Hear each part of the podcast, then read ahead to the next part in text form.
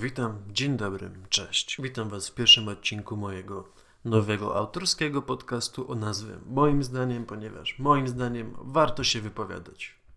W dzisiejszym odcinku porozmawiamy sobie na temat pewnego systemu operacyjnego, który ostatnim czasem całkiem ciekawie wyróżnia się na rynku, to znaczy Windows 10 oraz we wszystkich plusach i minusach, jakie niesie za sobą najnowsza aktualizacja, właśnie nazwana aktualizacją twórców. Zaczynając od początku. No wiadomo, co się zmienia. No na pierwszy rzut oka właśnie to, co rzuca się w oko, czyli zmiany kosmetyczne. Dziesiątka troszeczkę zyskała nowych kształtów, jeżeli chodzi o m.in. pas startu, gdzie teraz znajdują się kafelki od właśnie wydania 10 oraz w niektórych właśnie miejscach takich jak ustawienia. No generalnie dziesiątka nam wypiękniała, co można określić dosyć sporym plusem i chęcią zunifikowania całości w takim bardziej stylu jednak kierowanym do macOSa, czyli no wiadomo, gdzie wszystko wspólnie ze sobą współgra.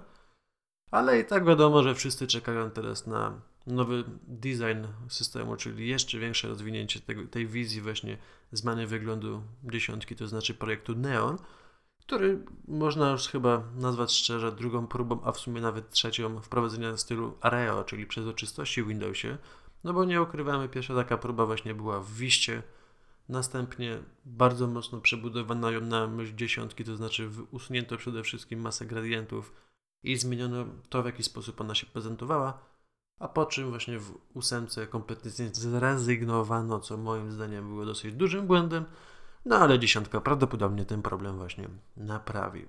W sieci można znaleźć już różne maści właśnie podglądy tego, w jaki sposób system będzie prawdopodobnie wyglądał. Dlatego też polecam Wam na przykład wejść na On Microsoft, gdzie właśnie link umieszczę poniżej i zobaczyć, jak to mniej więcej będzie się prezentowało. Windows cały czas ma dosyć duży problem. Problemem tym są właśnie aplikacje uniwersalne, dosyć mocno promowane przez Microsoft, czyli no nie ukrywajmy to, na czym w tej chwili system ma podobno bazować. To znaczy na programach, które będą działały jednocześnie na Xboxie, na komputerze i na telefonie. Tyle z teorii ponieważ jak dobrze wiemy, system mobilny został praktycznie uśmiercony w ostatnim czasie. Co prawdopodobnie nie było taką złą decyzją, bo nie ukrywajmy, Windows 7, Windows Phone 7, potem 8, następnie dziesiątka zostały wydane troszeczkę za późno. Trochę za późno, żeby zwoływać cokolwiek na rynku, aczkolwiek w dobrym momencie, żeby pokazać swoją siłę, którą Microsoft ma. Na ten moment, wiadomo, system jest rozwijany, można to powiedzieć praktycznie za friko, ponieważ jest rozwijany przy okazji rozwijania dziesiątki na komputery oraz na tablety. A co za tym idzie, no wiadomo, te prace, jeżeli chodzi o same telefony, nie idą tak mocno, jak szły w przypadku poprzedniego systemu. Nie ma takiego dużego zaangażowania, jakie było przede wszystkim w czasie, kiedy użytkowane były telefony Lumia bardziej na świecie. Dzisiaj Microsoft może sobie odpocząć, przemyśleć swoje błędy jeszcze raz i spróbować po raz kolejny zwojować rynek, co prawdopodobnie będzie właśnie pokazane na konferencji w tym roku, gdzie Microsoft, jak wcześniej były właśnie zapowiedzi, ma wziąć się także za rynek mobilny. No zobaczymy, co z tego wyjdzie. Mam nadzieję, że na pewno wyjdzie z tego coś ciekawego, ale jeżeli chodzi o same aplikacje uniwersalne, moim skromnym zdaniem sytuacja nie zmieni się do czasu, dopóki tak naprawdę w Windowsie nie zostaną zablokowane inne źródła aplikacji niż sklep Windows. Czy do takiej sytuacji może dojść? Moim zdaniem może, aczkolwiek to nastanie dopiero za dłuższy czas. Dlaczego? Zobaczcie, że to działa na chwilę obecną w ten sposób, że już w tym momencie można do sklepu wprowadzić aplikacje klasyczne, po prostu opakowane w kontenery, znane z OS X, które zabezpieczają system przed ewentualnymi wypływami z aplikacji. Różnych maści wirusów, no generalnie aplikacje te nie mają żadnego wpływu na system. Wszystkie wymagane biblioteki są właśnie w paczkach z aplikacjami, przez co aplikacje więcej ważą, Aczkolwiek moim zdaniem nie jest to takie złe rozwiązanie, no chyba, że mamy urządzenie z małą ilością pamięci, czego świetnym przykładem są na przykład iPhony, które najpierw z pamięcią 4 GB, potem 8, następnie 16, czyli w tych najmniejszych wariantach, miały bardzo duże problemy z tego też powodu, ponieważ taka aplikacja Facebooka, czy na przykład, nie wiem, Microsoft Office potrafią ważyć nawet blisko 200 MB, co jednak swoje miejsce w systemie zaklepuje. W tym momencie no Microsoft ma niemały problem, czego nie da się przecież ukrywać i musi w którymś kierunku to poprowadzić. Moim zdaniem prawdopodobnie właśnie najlepszym wyjściem będzie zamknięcie tego sklepu, co będzie między innymi kierunkowane tym, że wiadomo system ma powrócić do właśnie układów ARM, czyli układów mobilnych. układów przede wszystkim Qualcomma, co widzimy po najnowszym Snapdragonie 835 oraz różne maści filmach, które pokazują, że jednak na tym systemie będzie możliwość uruchamiania klasycznych aplikacji, czyli to automatycznie wyklucza scenariusz z Windowsa RT, gdzie po prostu system został zamordowany śmiercią naturalną tylko z tego powodu, że ludzie nie chcieli kupować tabletów, na które nie ma aplikacji. A że nie było aplikacji, to robiło się takie małe błędne koło, które także zamordowało nam Windowsa mobilnego.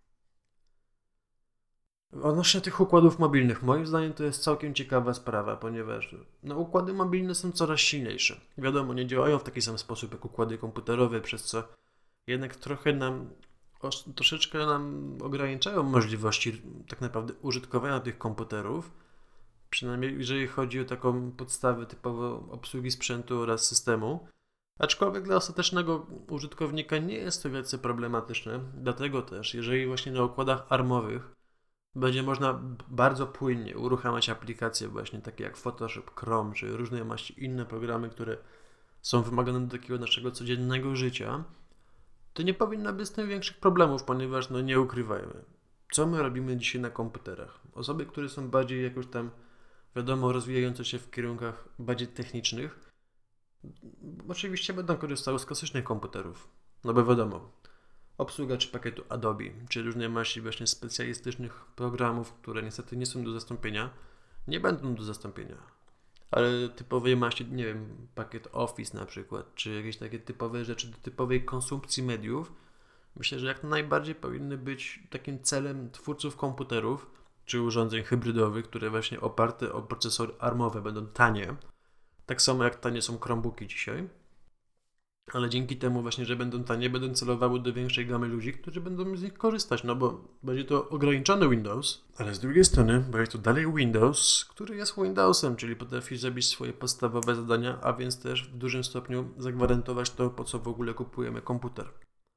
Czyli żeby mieć dostęp do aplikacji Windowsa. I teraz, jeżeli te aplikacje będą umieszczone właśnie w sklepie Windows, w kontenerach, to automatycznie Microsoft w tym momencie ma większą kontrolę nad tym, co się znajduje w sklepie oraz w jaki sposób to działa, a po drugie w znaczny sposób ułatwia proces aktualizacji samych aplikacji, przez co no, nie ma co ukrywać, jest to duża zaleta dla samego użytkownika, który jest odciążony z dużej masy tak naprawdę problemów powiązanych z aktualizacjami, no bo nie ukrywajmy, no masa aplikacji działających w tle, czy od Adobe, czy od samego Microsoftu, czy od Google, które cały czas nam mielą w tle i po prostu próbują nam wciskać najnowszą wersję systemu, nie są może zbyt takie estetyczne i też nie, nie za dobrze działają na sam system, ponieważ cały czas siedząc w tle, konsumują co prawda mało, ale jednak konsumują nam zasoby, co przy słabszych komputerach może stać się w pewnym momencie bardzo kłopotliwe.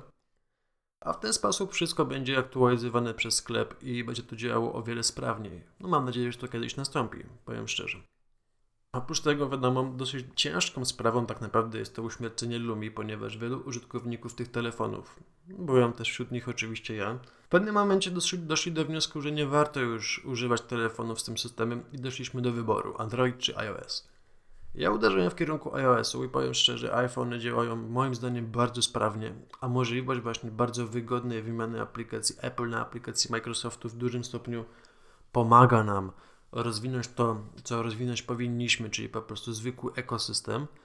I do tego do użytkowania dalej istnieje w, właśnie w tym ekosystemie Microsoftu, aczkolwiek moim zdaniem ostatnio Google troszeczkę jednak uciekło w tej kwestii, ponieważ sama wygoda korzystania z dokumentów Google jest nadal o wiele, o wiele większa od tej, którą właśnie nam proponuje między innymi Microsoft, ponieważ nie dość, że Word nadal jest projektem jednak konsumpcyjnym, za który trzeba zapłacić, to jeszcze te możliwości właśnie pracy w drużynie są dosyć ograniczone i po prostu przez to Google dalej wygrywa. A oprócz tego samo Google Keep, no, moim zdaniem jest aplikacją tak naprawdę nie do zastąpienia przede wszystkim dzięki powiadomieniom uzależnionych właśnie od lokalizacji, w której się znajdujemy, a nie całego ogółu, czyli po prostu czasu, czy tam właśnie różnej maści, przede wszystkim czasu. Microsoft ma dużo fajnych pomysłów.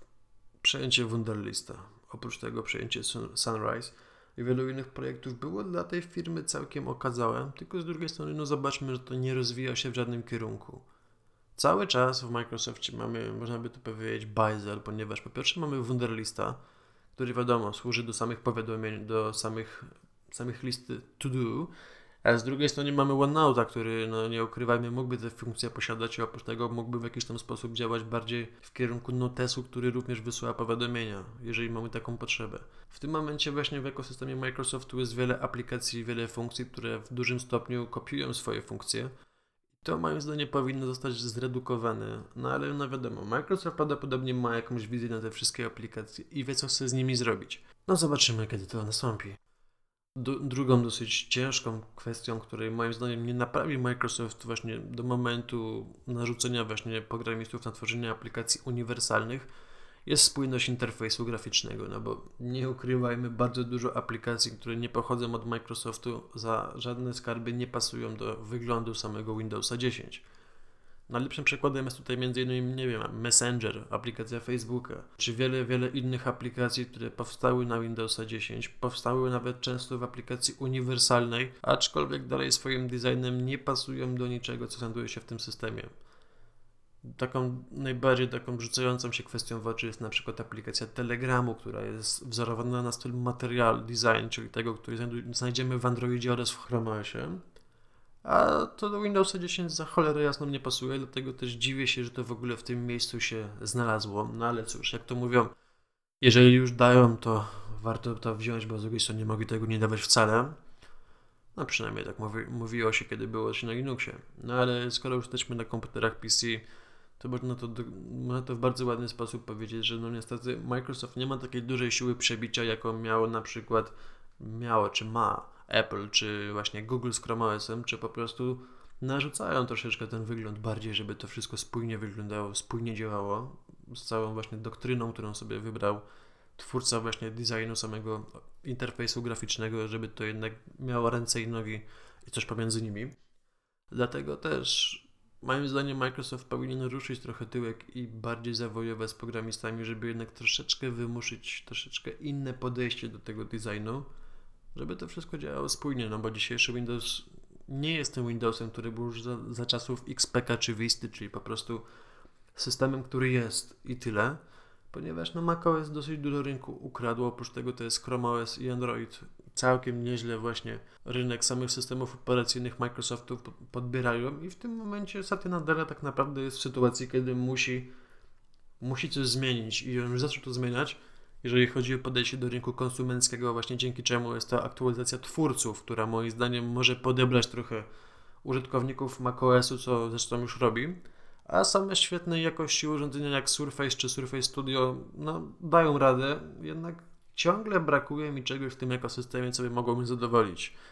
Ale to jest tylko moje zdanie, ponieważ no wiadomo, są ludzie bardziej i mniej wybredni, jednak to, że masa osób porzuca maki, które ostatnim czasem troszeczkę się zaniedbały, oraz no, najlepszym tego przykładem jest Mac Pro, który został po tak długim czasie aktualizowany i ta aktualizacja dużo nie wniosła, ponieważ no, jest ten niesmak na przykład przez brak portu Thunderbolt 3, a z drugiej strony no jednak użytkownicy tych komputerów czy nowych MacBooków Pro, które się generalnie programistom nie spodobały, szukają jakiejś alternatywy i znajdują ją właśnie w ekosystemie Microsoftu, co mnie dzisiaj dziwi, ponieważ to wygląda w taki sposób, jak, jakoby to właśnie nie Apple, tylko Microsoft przejął tą pałeczkę innowacyjności ostatnim czasem, a przejął ją dlatego, że zauważył, że po prostu ten letarg się skończył.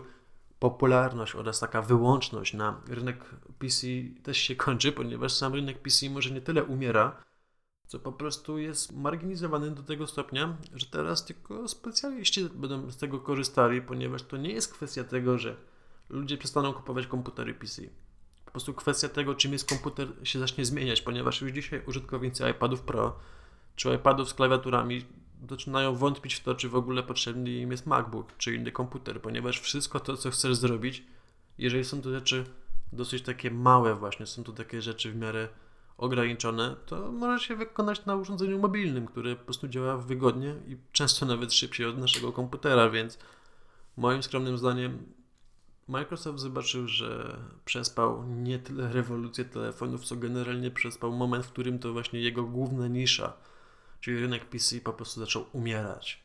I przez to właśnie w tym momencie Microsoft ma podgórkę, a wszystkie firmy próbują iść jak najmocniej w tym kierunku, żeby właśnie rynek, na którym Microsoft góruje, pochować, schować go do szuflady, ponieważ to dla nich opłacalne. ponieważ patrząc nawet na to, jak dobrze te w tym momencie sprzedają się Chromebooki, czy tam właśnie Chromebooki, mówiąc poprawnie, w Stanach Zjednoczonych, czy w krajach właśnie Europy Zachodniej, jeżeli chodzi o różne maści instytucje państwowe, o różne maści firmy, czy właśnie przede wszystkim instytucje edukacyjne, to daje do zrozumienia, że jednak ludzie nie tyle, nie zawsze potrzebują super szybkich komputerów, ponieważ to już nie są czasy, kiedy komputer służy do uruchamiania aplikacji, tylko są to czasy, kiedy wszystko jest w sieci. Jedyne co nam potrzeba to aplikacja kliencka, żeby się do tego połączyć, więc mam nadzieję, że Microsoft zebrał cęgę baty przez te wszystkie lata na tyle mocno, żeby dzisiaj móc coś zmienić. No, miejmy nadzieję, że tak się stanie. Kolejną kwestią właśnie co do aplikacji uniwersalnych, których chyba dzisiaj się trochę za mocno uczepiłem, jest to, że niektóre z nich działają po prostu tragicznie. Najlepszym tego przypadkiem jest Messenger, aplikacja Twittera, to jest w sumie alternatywny klient, klient czyli TweetIt oraz na przykład OneNote, które mają masę problemów ze sobą, które dosyć ciężko w ogóle w jakikolwiek sposób wytłumaczyć. W przypadku Messengera dosyć dużym problemem jest to, że po prostu kiedy czasami chcemy go w jakiś tam sposób wybudzić, czy po prostu no, zmaksymalizować ze zminimalizowanego okna, aplikacja potrafi się zawiesić na tyle dobrze, że się sama wyłącza. Albo musimy ją sami po prostu dobić, żeby nie cierpiała, ponieważ zaczyna nam zamulać komputer. Jeżeli mamy komputer dosyć mocny, jest to rzeczą dziwną. Podobnym przypadkiem zresztą jest Tweetit, który posiada funkcję streamowania właśnie tweetów na żywo. Za tym idzie cały czas powinien ściągać te tweety na bieżąco, ale problem jest w tym momencie, że kiedy zminimalizujemy aplikację, aplikacja się usypia. Kiedy ją maksymalizujemy potem znowu, następuje wielkie po prostu za, zawieszenie całego komputera, jakie by nie miał siły, spadają to na wielu właśnie sprzętach, wielu konfiguracjach. Cały system na 2-3 sekundy staje dęba, ponieważ cały ten natłok, na przykład z godziny, z dwóch, kiedy był zminimalizowany, aplikacja w ciągu paru sekund musi ściągnąć i cała moc, całe zasoby komputera są właśnie wtedy skierowane w tą jedną aplikację, co jest według mnie dziwne i co powinno zostać naprawione. A sam OneNote miał dosyć dziwne problemy z, czy z czcionkami, czy z automatyczną zmianą języka, w którym piszemy. No i wiadomo, jeszcze był ten słynny problem z znaczonymi polskimi znakami e, o oraz ż. Co też odnośnie ży występuje w Twitterze, ponieważ Twitter też nie lubi się za bardzo z ży. To chyba kwestia tego, że już ledwo żyje. Ale odnośnie tego myślę, że to jest dyskusja na inny moment.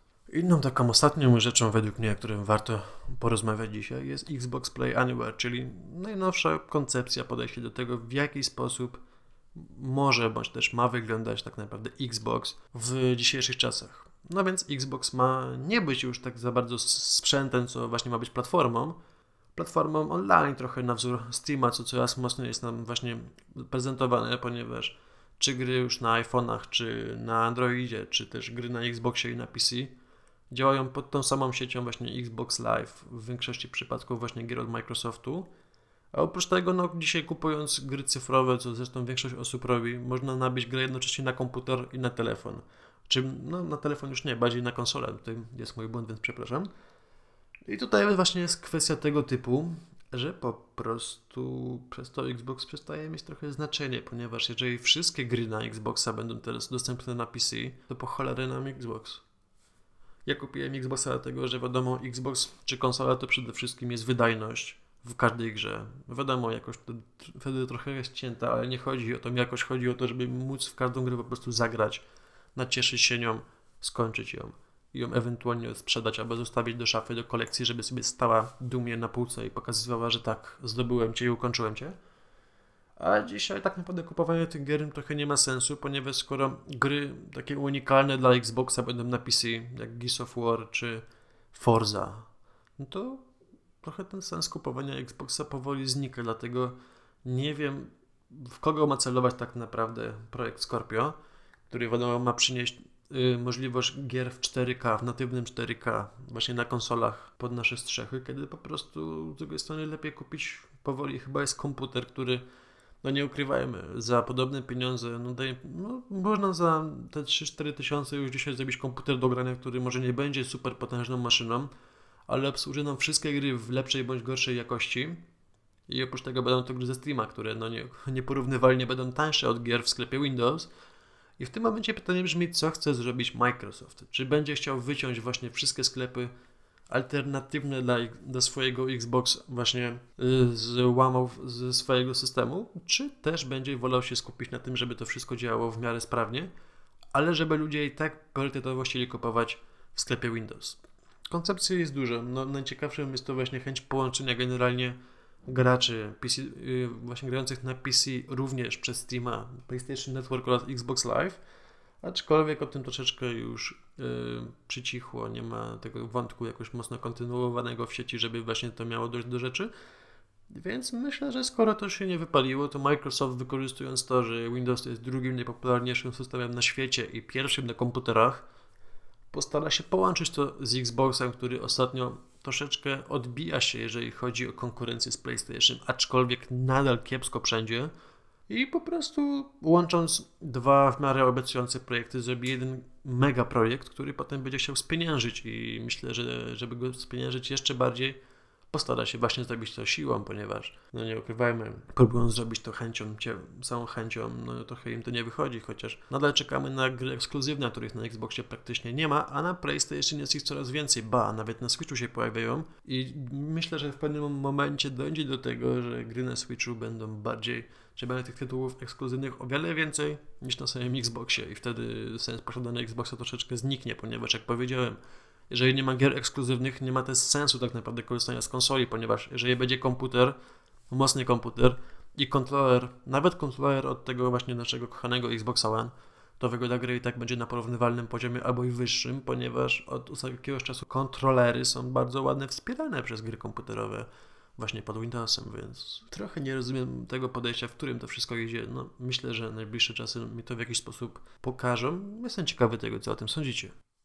Tak więc jeżeli chodzi o dzisiejszy odcinek, to tyle. Mam nadzieję, że Wam się spodobało takie moje właśnie przemyślenia troszeczkę filozoficzne. I no cóż, jako już jest to pierwszy odcinek, wziąłem na siebie tylko jeden temat, który dosyć mocno rozbudowałem. No w przyszłości mam nadzieję łapać tych tematów trochę więcej, albo trochę tematów ciekawszych oraz trochę osób do projektu zapraszać. A póki co jedyne co mogę powiedzieć, to po prostu pożegnać się z Wami ciepło i miło. No i mam nadzieję, że jeszcze się kiedyś tu usłyszymy. Do zobaczenia. Cześć.